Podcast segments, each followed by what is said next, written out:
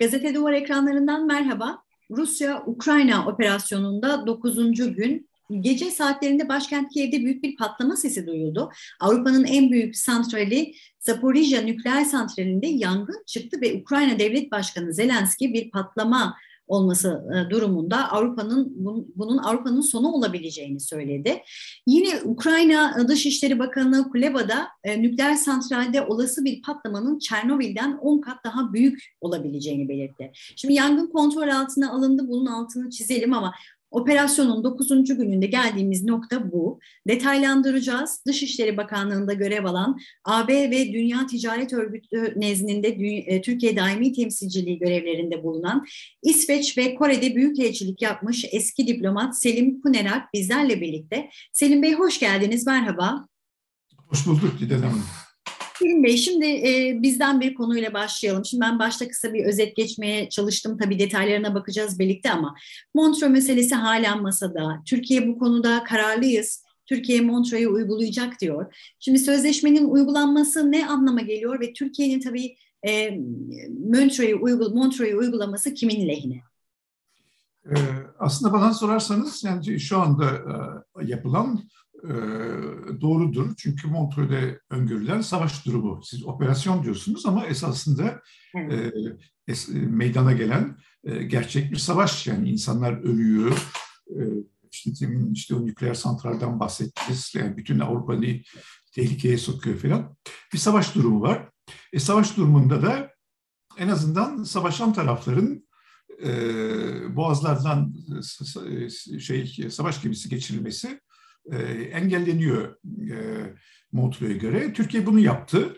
E, ayrıca e, bir dengeyi de muhafaza edebilmek için Karadeniz dışındaki e, devletlerin de boğazlardan savaş gemisi geçirmesini engelledi. Bunun yani pratik bir şeysi e, sonucu olduğunu söylemek mümkün değil. Çünkü zaten şu anda e, Karadeniz dışı e, ülkelerin e, gemi, e, savaş gemisi sokmak gibi bir e, niyetleri yok. Ama en azından işte Rusya'ya böyle dengeli bir e, şeyde e, tarzda bulunuyoruz, harekette bulunuyoruz mesajı verilebildi. Rusya zaten esasında geçireceği gemileri sanırım geçirmişti. E, bir de şu anda Karadeniz'de zaten e, deniz muharebesi meydana gelmiyor. Çünkü Rusların çok büyük bir üstünlüğü var. E, dolayısıyla Türkiye görevini yapmış oldu. E, bu da sanırım herkesin işine geldi. Peki orada çok detay bir soru sorayım o zaman. Hazır konu e, Boğazlar Sözleşmesi'ne açılmışken. Şimdi bir Kanal İstanbul tartışmamız var biliyorsunuz. Kanal İstanbul yapılmış olsaydı bu Montreux'u nasıl etkileyecekti veya bundan sonra olur da Kanal İstanbul yapılırsa bu nasıl etkiler? Yani bana sorarsanız e, Kanal İstanbul'un e, e, Montreux ile bir ilgisi yok. Çünkü Montreux sadece İstanbul Boğazı'nı kapsamıyor. Çanakkale Boğazı'nı da kapsıyor. Yani bir savaş gemisi Ege Denizi'nden şeye Karadeniz'e geçerken Çanakkale Boğazı'ndan geçmeden Marmara'ya ve oradan Karadeniz'e geçme imkanı var mı? Yok.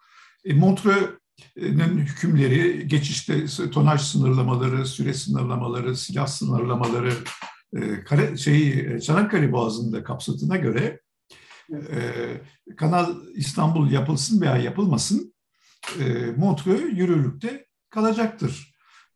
Dolayısıyla yani ben bu tartışmayı doğrusunu isterseniz çok anlamsız buldum. Evet. Peki Selim Bey Türkiye'den devam edelim öyleyse. Şimdi Türkiye'nin e, hem Ukrayna hem Rusya ile ticari ilişkileri var. Rus oligarkların Türkiye'de yatırımları var. Ama bir yandan da AB ve ABD ile ilişkiler de ortada. Şimdi Türkiye e, şiddet daha da artarsa taraf olur mu? Birinci sorun bu olsun ama Türkiye'nin şu anda kadar yürüttüğü bu tarafsızlık politikasını tırnak içinde nasıl değerlendiriyorsunuz?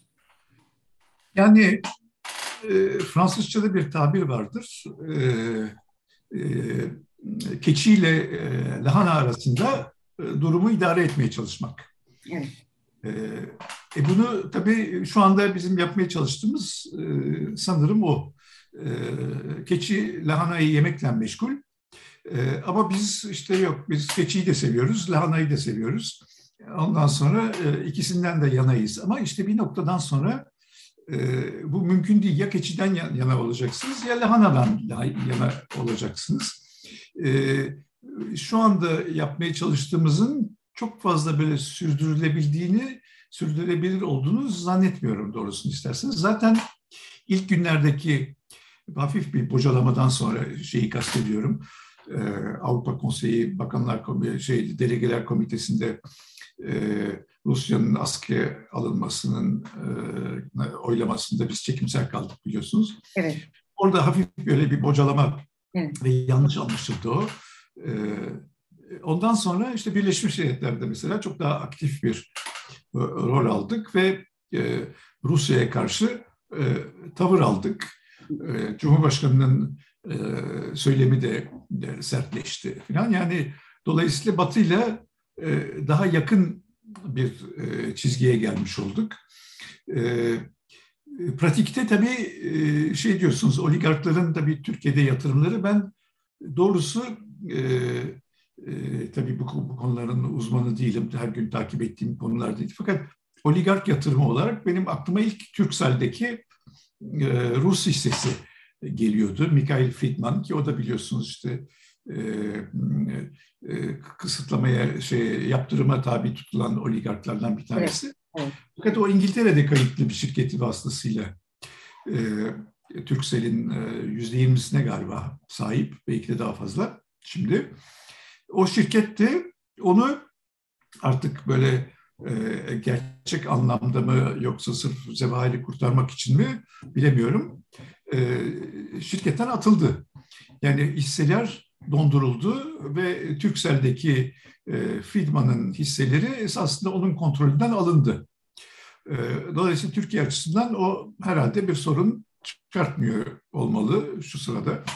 Başka da büyük oligark yatırımı e, doğrusu çok bilmiyorum. Yani mesela Londra'da biliyorsunuz e, ve son günlerde işte özellikle İngiliz basında çok dikkat çekmeye başlayan şekilde şey naklediliyor. E, yüzlerce oligarkın çok böyle pahalı malikaneleri e, falan var. Türkiye'de ben böyle bir şeyden benim bilgim yok yani Boğaz'da yalısı olup da teknesini oraya bağlayan falan oligark bilmiyorum. Türkiye'de bağlı bulunan şeysi teknesi bulunan e, oligark bilmiyorum. Mesela dün bir tanesinin Almanya'da, bir tanesinin de e, Fransa'daki teknelerine, yatlarına, süper yatlarına e, ilgili hükümetler el koydu mesela. Bizde e, öyle bir şey olduğunu duymadım yani hiçbir zaman Bodrum'da evet geliyorlardı, geçiyorlardı falan ama e, e, şeylerde e, gemilerini orada bıraktıklarına dair veyahut da Bodrum'da büyük mal mülk sahibi olduklarına dair e, şeyler, bilgiler en azından bana e, ulaşmadı. Dolayısıyla o batıda yapılan e, alınan tedbirlerin benzerlerinin Türkiye'de alınması için çok fazla bir ihtiyaç yok sanki. Ve e, yani bu tarafsızlık politikasının da çok sürdürülebilir olmadığını ve günün sonunda bir tarafa geçmek durumunda kalacağını söylediniz, bunun altını çizdiniz ve tabii ki Batı ile daha yakın bir çizgiye gelecektir e, dediniz. Şimdi buradan ee, Ukrayna'nın AB üyeliğini zaten geçen hafta konuştuk. Konuşmaya da devam ediyoruz ama Ukrayna e, AB üyeliği resmi başvurusunu içeren e, bu karar tasarısı kabul edildi. Yani AB'den çok böyle e, olumlu bir yanıt gelmedi ama şimdi tam bu noktada Cumhurbaşkanı Erdoğan'dan bir AB çıkışı geldi. Türkiye'ye de birileri savaş açıp saldırdığı zaman mı Türkiye'yi gündeme alacaksınız dedi. Şimdi Türkiye neden Avrupa Birliği'ne giremiyor tartışması tekrar bir kez daha gündeme geldi ama ne dersiniz Selim Bey? Bu süreçte Türkiye'ye bir kapı açılır mı bu konuda? Yani e, tabii ki Avrupa'da çok şey değişiyor e, şu anda e, ve e, genişleme sürecine de e, muhtemelen daha fazla böyle bir önem ve ağırlık verilecek önümüzdeki dönemde. Ben ilk önce mesela Balkanlarla başlanacağını düşünüyorum. Yani Balkanlarda mesela 15 seneden beri filan bekleyen ülkeler var. Bizim kadar bekleyen ülkeler var. Ee, Karadağ, e, evet. Makedonya filan. Onların Rus e, günümüne düşmesini engellemek için Avrupa Birliği onların bütünleşmesini, entegrasyonunu bence hızlandıracaktır. Ukrayna tabii çok daha zor bir e, e, parça. E, bir kere evet bir e, müracaatta bulundu. Şu aşamada öyle bir şey olur mu Selim Bey? Yani bir AB üyeliği söz konusu olur mu? Hayır olamaz tabii ki. E, çünkü bunun bir takım prosedürleri var. Evet. E, şimdi ilk önce e, üye devletler evet diyecekler. Sonra komisyon, e, Avrupa Birliği Komisyonu bir rapor hazırlayacak. E, Ukrayna'nın e, üyeliğe ehil olup olmadığına dair bir rapor hazırlayacak. O rapor tekrar onaylanacak. E, ondan sonra işte müzakereler başlayacak. 35 fasıl var biliyorsunuz falan. Evet. E, yani bunun en hızlı gidenleri 7-8 senede yapmışlardı e, e, bu işi. Böyle bir 15 gün içinde yapılması falan söz konusu değil. Fakat bunun sembolik bir manası var. Mesela Gürcistan da sanırım bugün yarın e, müracaat edecek. Sembolik. Yani biz geleceğimizi Avrupa'da görüyoruz mesajını veriyor. Avrupalılar da sembolik bir şekilde evet biz de sizin geleceğinizi Avrupa'da görüyoruz cevabını verdiler. Ee, mesela işte komisyon başkanı Ursula von der Leyen bu yönde bir konuşma yaptı. İşte daha savaşın birinci, ikinci, ikinci gününde hatırlayacaksınız. Evet.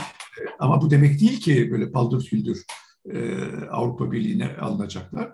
Yani bize gelince bize hiçbir zaman Avrupa Birliği gelemezsiniz demedi ki. Şartlar şudur dedi.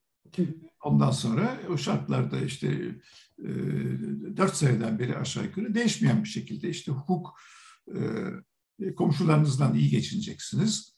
E, işte e, e, haklarla tecavüz etmeyeceksiniz.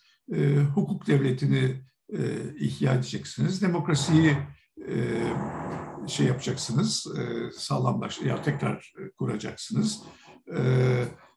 Avrupa İnsan Hakları Mahkemesi kararlarını yani Kavala, Demirtaş onları evet. uygulayacaksınız. E, Türkiye bunları yapmıyor. E, yapmadıktan sonra da Aa, vallahi beni almıyorsunuz demek bence popülist bir davranış yani. Peki. Ee, özellikle Ukrayna'nın AB'ye başvurusunda yani 15 gün içerisinde olabilecek bir şey değil. E, en başvuran 7-8 sene içerisinde bu süreci tamamladı. Ama sembolik bir anlamı var dediniz. E, şimdi buradan bayraktarlara bir bakalım o zaman. Ukrayna Silahlı Kuvvetleri ilk kez e, Türk Bayraktar insansız hava aracının kullanıldığını duyurmuştu. Şimdi Rusya Bayraktar SİHA'ların kullanılmasından rahatsız mı bir sorun bu olsun Selim Bey. E, bir de e, SİHA'ların kullanılması Rus tarafında olası kayıplara yol açarsa gelecekte bu ilişkileri nasıl etkiler? Ve son olarak da Ukraynalı yetkililerin bu Bayraktar açıklamaları Türkiye'yi sahaya çekme gibi bir niyet taşıyor yorumları yapıldı. Siz ne dersiniz bu konuda? Şimdi anladığım kadarıyla bu bayraktarlardan 20 tane varmış e, evet. Ukrayna'da.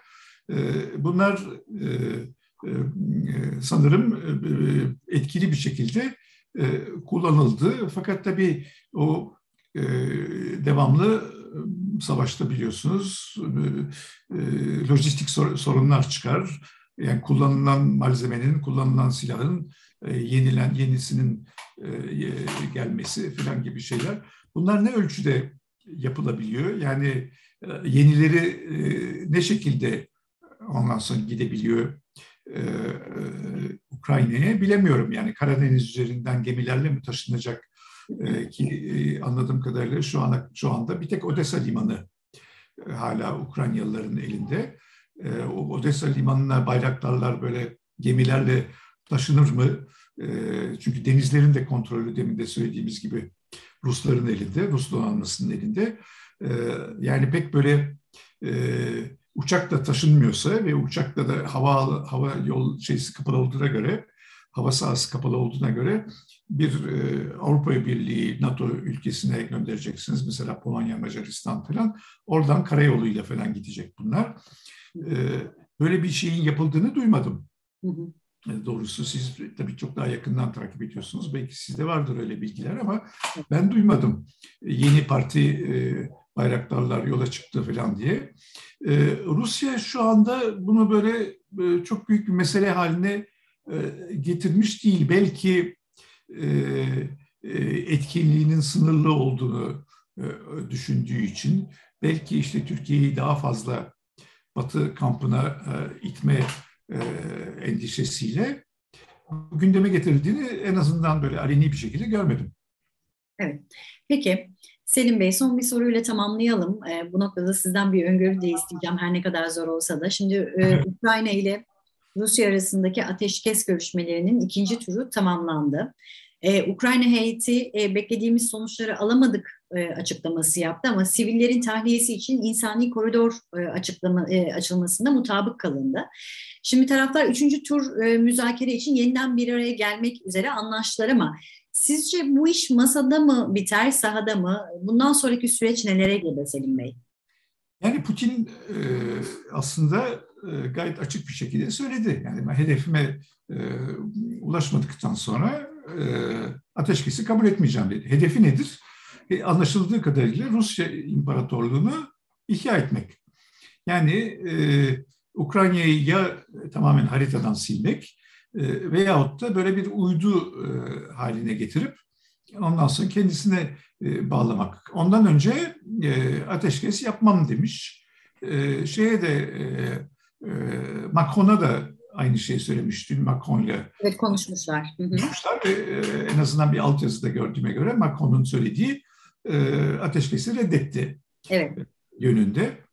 E, maalesef yani Putin'in psikolojisi hakkında da bir takım böyle rivayetler var. Yani yine Macron kaynaklı. Ondan işte biliyorsunuz baş başa görüştü bir, bir iki hafta evvel. Bir, bir demecini veya sızdırılan bir haberi görmüştüm. Yani ben iki senedir yüz yüze görüşmemiştim pandemiden dolayı. Psikolojisinin tamamen değiştiğini ve başka bir adamla karşılaştığımı fark ettim falan gibi böyle bir e, söylemi oldu Macron'un. Ve hakikaten yani böyle e, tahmin edilemezlik üzerine kurulmuş bir e, yapı içinde hareket ediyor diyebilirim. E, bundan bir sene dokuz gün evvel falan yapsaydık bu programı ben size e, bütün işte gözlemciler gibi herhalde saldırmayacak falan derdim. E, saldırı verdi. E, yahut da derdik ki işte kısıtlı bir şey yapacak. Donbas'ta, hı hı. E, Donetsk'ten Luhansk'a belki saldırır ama Donbas'ın ötesine gitmez derdik. E, dört koldan e, saldırdı. Bundan sonra e, ne yapacağını doğrusu ben tabii oturduğum yerden kestirmem mümkün değil. Fakat yabancı kaynakları özellikle takip ettiğimde gittikçe Rusya'da rejim değişikliğinden bahsedildiğine rastlıyorum. Yani Rus işte oligarkların ne hale geldiğini görüyoruz. Adam Abramovich Chelsea takımını bile sat, satmak mecburiyetinde kaldı. Ee, şeyler orta sınıf işte iPhone'larından, McDonald's'larından e, mahrum tutuldu ve Rusya çok büyük bir krize e, yuvarlanıyor. Bir anda bütün tedarik zincirleri kesiliyor falan. Selim Bey yorumlarınız için çok çok teşekkür ediyoruz. Eski diplomat Selim Kuneralp Rusya-Ukrayna krizinde 9. günü gazete duvara değerlendirdi. Görüşmek dileğiyle.